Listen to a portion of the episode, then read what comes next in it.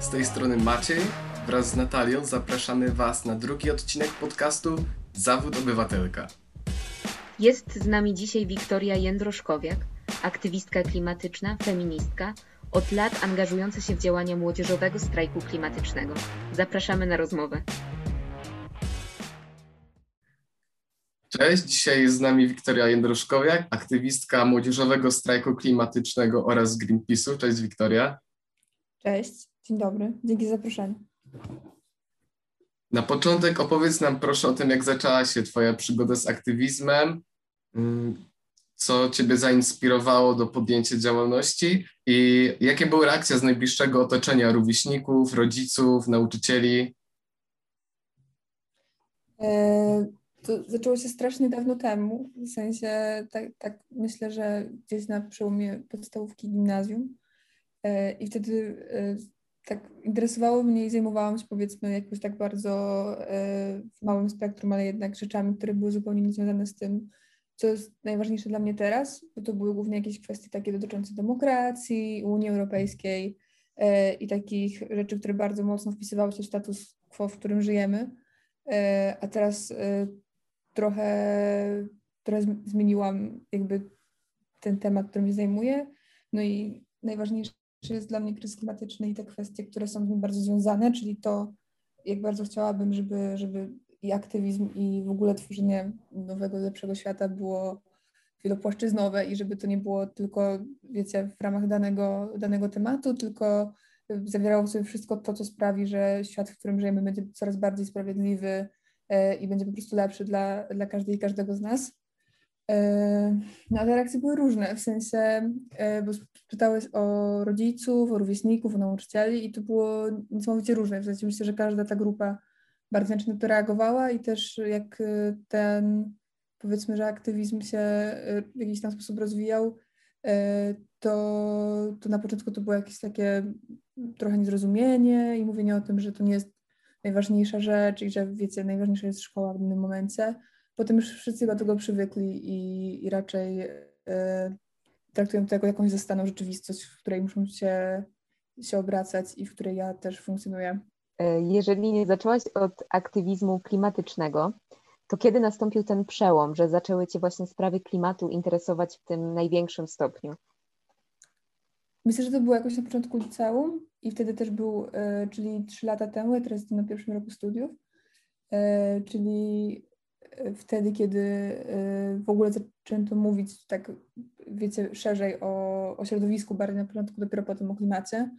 E, I to była trudna droga, w sensie na początku zupełnie nie rozumiałam skali kryzysu klimatycznego i, i też katastrofy klimatycznej i tego wszystkiego, co się z tym wiąże. E, I to, to było na pewno trudne, żeby to poznawać e, i trwało to bardzo długo, ale wydaje mi się, że to, jest, to był ten sam czas, kiedy, kiedy większość ruchów klimatycznych, takich młodzieżowych, czy właśnie młodzieżowy strajk klimatyczny, ale też te wszystkie mniejsze e, inicjatywy powstawały, czyli e, gdzieś po pierwszych strajkach Grety Thunberg i w okolicach 2018 roku, tego przełomu 2018 i 2019 roku. Myślę, że to był taki moment, w którym już wiedziałam, że e, to jest to, co jest dla mnie najważniejsze i czym trzeba, trzeba się zająć tu i teraz. Ja mam pytanie, co jest Twoim paliwem, co napędza Cię do działania, ponieważ jakbyś, jakkolwiek byśmy nie patrzyli na wizje naukowców, one są w większej mierze bardzo pesymistyczne. I jestem ciekawy, co jest tym motorem napędowym dla Ciebie do działania? E, to jest, to jest trudne pytanie, bo jest tak, że tym, tym, tym paliwem może być wszystko. W sensie to zależy od danego dnia, bo czasami jest tak, że e, czuję się dużo, dużą porażkę, czy czuję się duży brak sensu w swoich działaniach, ale jest też tak, że wokół ma się y, cudownych, inspirujących ludzi i to są inni aktywiści, inne aktywistki, które, e, które po prostu to robią, wiecie, wstajecie rano i po prostu to robicie. Mój kolega kiedyś, e, Michał Fornalik, też z MSK z Poznania, powiedział kiedyś, że dla niego aktywizm jest jak śniadanko i to jest coś takiego, wiecie, totalnie naturalnego i pierwszego i coś oczywistego. I myślę, że to było super zdanie, w sensie to jest, y, to bardzo dobrze opisuje, jak bardzo przyziemne to powinno dla nas być, właśnie mając świadomość katastrofy klimatycznej i że często y, próbuje się z młodych osób tworzyć takie, wiecie, y, takich zbawców i w ogóle wow, fantastycznie, to jest młoda osoba, która cokolwiek robi, a, a wydaje mi się, że mając tą świadomość trochę trudno robić inaczej i jest tak, że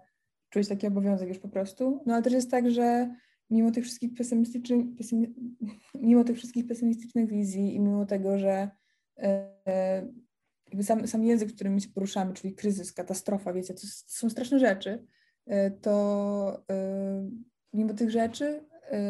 są też te wizje, które, które jak najbardziej dają dużo, dużo nadziei i sprawiają, że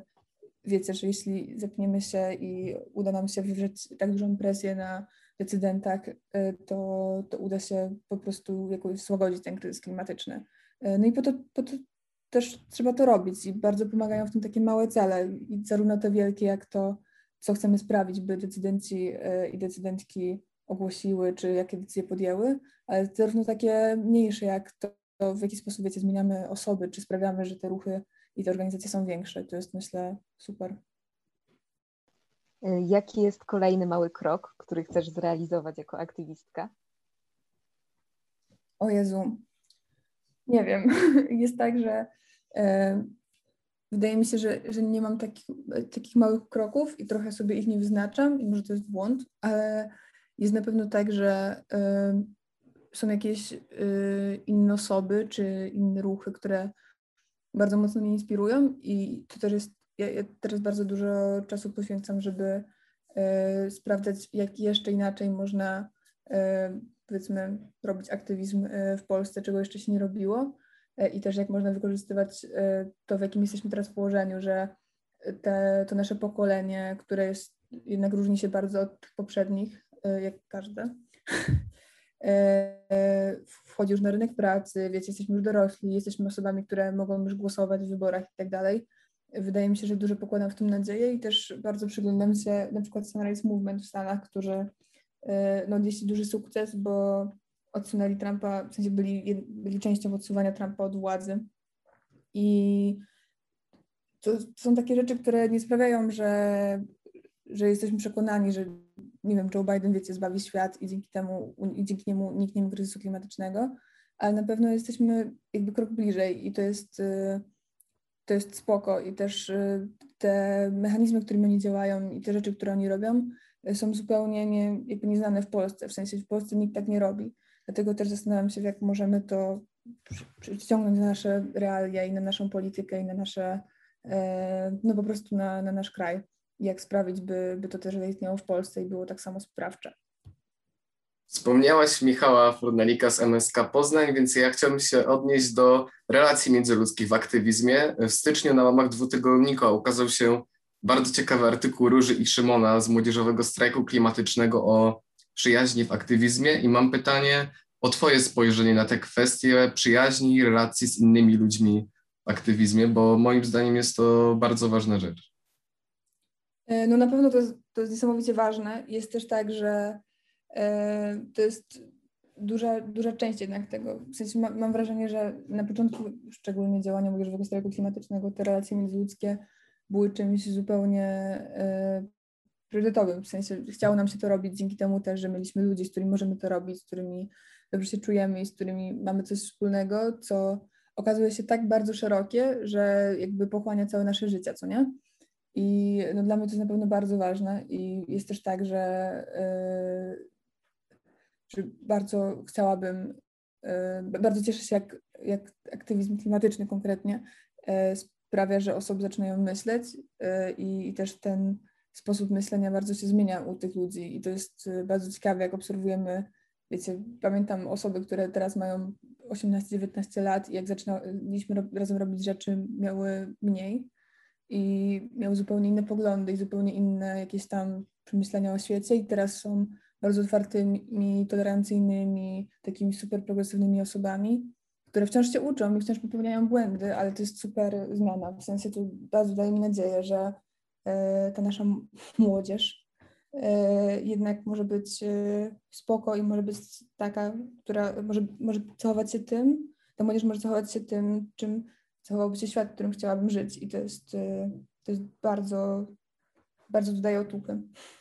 Moje następne pytanie dotyczy tego, w jaki sposób dajesz sobie przestrzeń na odpoczynek od aktywizmu i czy w ogóle istnieje coś takiego jak odpoczynek od aktywizmu po tym, jak się w niego zaangażujemy, ponieważ problemy dotyczące obecnego świata są na tyle wszechobecne w naszym życiu, że towarzyszą nam non-stop. I mam pytanie, czy masz jakieś swoje rytuały, sposoby, mechanizmy na to, żeby właśnie dać sobie tą przestrzeń y, oprócz aktywizmu? E, no myślę, że to jest e, ogromna racja w tym, że e, trudno się od tego odciąć na pewno i to nigdy nie jest tak, że wiecie, zamyka się laptopa, czy zamyka się też robi się notatki, wychodzi się z zajęć i przestaje się o tym myśleć. To na pewno nie jest tak zero-jedynkowe, ale no wydaje mi się, że, że najfajniej, przynajmniej to się sprawdza na razie, chociaż to też nie jest na tyle długie doświadczenie, żebym mogła powiedzieć, że to jest jakaś norma. E, by szukać jakby w robieniu samych tych rzeczy, żeby szukać takiej, e, takiego momentu na uspokojenie się, na przemyślenie tego jeszcze raz, na też, e, wiecie, po prostu rozmowy z ludźmi o tym, po co tak naprawdę to robimy, a nie tylko robienie tych rzeczy od 8 do 24. I na przykład Extinction Rebellion myśli o tym w dobry sposób. Oni mają takie systemy, w których po robieniu jakiejś akcji mają czas, w którym odpoczywają i oni nazywają to regeneracją i to jest bardzo dobre określenie, że to nie jest tak, że wiecie, przestają nagle o tym myśleć i raptem zupełnie zajmują się czymś innym, tylko to jest jakby część całości. To jest tak samo jak z ewoluowaniem tego, co się robi. To jest y, bardzo fajne, żeby sobie, żeby te wszystkie rzeczy, które robimy, nie były, wiecie, pustym krzyczeniem i tylko y, takim bardzo dynamicznym działaniem, tylko żeby tam była przestrzeń na to, żeby ze sobą porozmawiać, żeby y, też, y, nie wiem, przyjąć krytykę i odeprzeć jakąś krytykę, która nie jest, nie jest odeprzeć jakąś krytykę, która nie jest, nie ma wielu podstaw czy coś tam. I myślę, że to jest ważne, żeby jakby w ramach robienia rzeczy znajdywać ten czas i tą przestrzeń, te takie osoby, z którymi można tak działać i czuć się ok w momencie, w którym coś jest nie ok, powiedzieć to głośno i czuć się na tyle, na tyle komfortowo, żeby móc to powiedzieć głośno. Tak jak już e, wspomniałaś, aktywizm wiąże się z stałym zaangażowaniem, z niejednokrotnie z nerwami i, i stresem, czy na pewno wszystko robi się ok. E, ale ja chciałam zapytać Cię o momenty dające największą satysfakcję. Mm, przypuszczam, że takie również e, się zdarzają i masz takie w swojej pamięci, więc E, co, co przywodzi Twoje właśnie, co Tobie przywodzi wspomnienie takich e, mocnych chwil, które Ciebie wzmocniły i dały Ci mm, motywację na kolejne, na kolejne działania aktywistyczne? Myślę, że pierwszym takim momentem e, były w ogóle strajki i to były takie, ja strasznie tęsknię za takimi strajkami, które dzieją się na ulicach i które są, wiecie, manifestacjami, gdzie idzie się z ludźmi i rozmawia się z nimi po strajkach. Nie wiem, idzie się z nimi na kawę albo piwo i, i ludzie rozmawiają z tobą o tym, co się działo parę dni wcześniej, e, bo to super pokazywało, jak można wywołać taką, jakby, wiecie, często mówimy o zmianie społecznej takich bardzo, e, na takim wysokim C i mówiąc o nie wiadomo czym i jakby, wiecie, nawiązując do rzeczy, które są wielkie, ogromne i które zmieniają świat,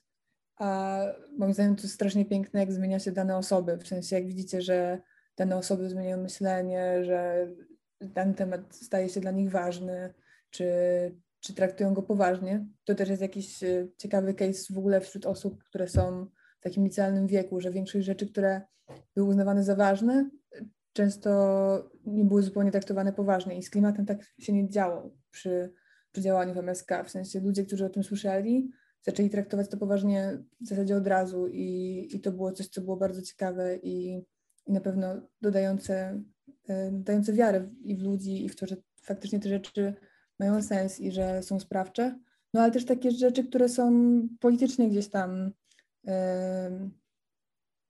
adekwatne, w sensie jakieś kroki, które są podejmowane i są bardziej proklimatyczne, czy nie wiem, statystyki, które sugerują, że coraz więcej Polaków y, chce neutralności klimatycznej w 2040 roku, a nie w 2050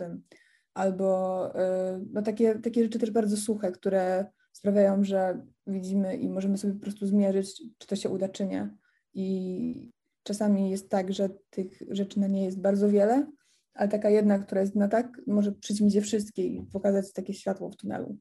mówiąc bardzo y, kliszej. Ostatnio można coraz częściej zobaczyć Cię także w mediach społecznościowych Greenpeace Polska. A jakbyś mogła nam opowiedzieć, co tam robisz, jaką na razie funkcję tam sprawujesz i w ogóle dlaczego zaangażowałaś się e, w działania ten, tej konkretnej organizacji? Boże, to jest trudne pytanie. E, no, e, myślę, że jeśli miałabym powiedzieć, co tam robię, to wspieram i to jest takie słowo, które wiem, że jest bardzo niekonkretne, ale faktycznie oddaje to, co robię, bo e, to jest tak, że trochę uczę się nowych rzeczy i trochę uczę się nowych umiejętności, które pozwalają robić te rzeczy, które robiłam dotychczas w jakiś lepszy sposób, czy nie wiem, e, bardziej profesjonalny, co brzmi pewnie głupio, ale jest jakąś prawdą. E, ale dlaczego tam? Bo myślę, że ludzie. Poznałam osoby, które bardzo mnie zaraziły danym stylem pracy i robienia rzeczy i to, to było gdzieś tam na pewno przeważające, e, ale też e, spoko jest e, ale też spoko jest to, że, ma, że tam jest miejsce, w którym są miejsca, do których można się odwoływać. W sensie, wiecie, macie ekspertów pod ręką, którzy rozumieją te rzeczy lepiej niż ja i niekoniecznie e, muszę czytać każdy raport, który wychodzi, żeby móc wypowiedzieć na ten temat. Więc to jest e, na pewno bardzo bardzo wspierające, że są osoby, które potrafią to tłumaczyć takim zwykłym językiem, który e, pozwala mi rozumieć te rzeczy lepiej i potem przetłumaczać je tak, żeby opowiadać je innym osobom. I to jest, to są na pewno takie dwie ważne rzeczy, czyli ludzie i bycie eksperckimi. Jako, że jednym z celów naszego podcastu jest zachęcenie młodych ludzi do aktywizmu, mam do Ciebie pytanie. Po Twoich latach działalności aktywistycznej o jedną zachętę, mm, dobrą radę dla młodych ludzi, którzy stoją przed pytaniem, zaangażować się czy nie? E, jedna rada, o Boże. To jest śmieszne, kiedy nagle dana osoba, nagle to ja jestem tą osobą, która ma dawać radę komuś e, i nie wiem, czy powinnam to robić, ale jeśli, jeśli miałabym powiedzieć jakąś jedną rzecz, to to, że y, cała ta machina, która, w której żyjemy, cały ten system, w którym żyjemy jest, y, jest tak nieidealny, że w momencie, w którym bierzemy sprawę w swoje ręce, naprawdę możemy mieć ogromno, ogromny wpływ na to, na to, w jaki sposób żyjemy i w jaki sposób będziemy żyć. I myślę, że jest teraz taka książka, która nazywa się Przyszłość zależy od, zależy od nas, e, w której, w której współautorzy porozumienia paryskiego opisują, jak będzie wyglądać przyszłość, kiedy nie zrobimy nic, albo jak będzie wyglądać przyszłość, kiedy podejmiemy adekwatne działania.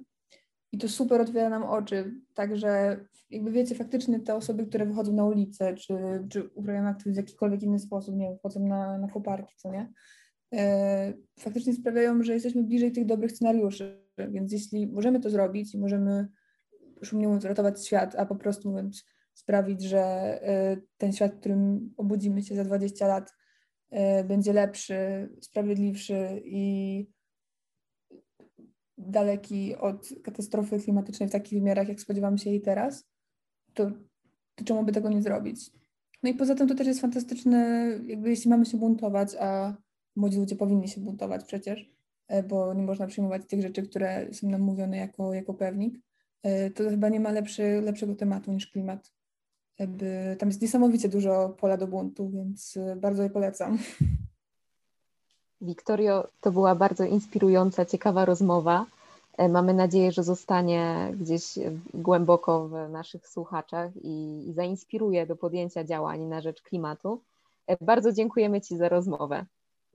Dzięki bardzo też, to było, to było super i również mam taką nadzieję. Dzięki.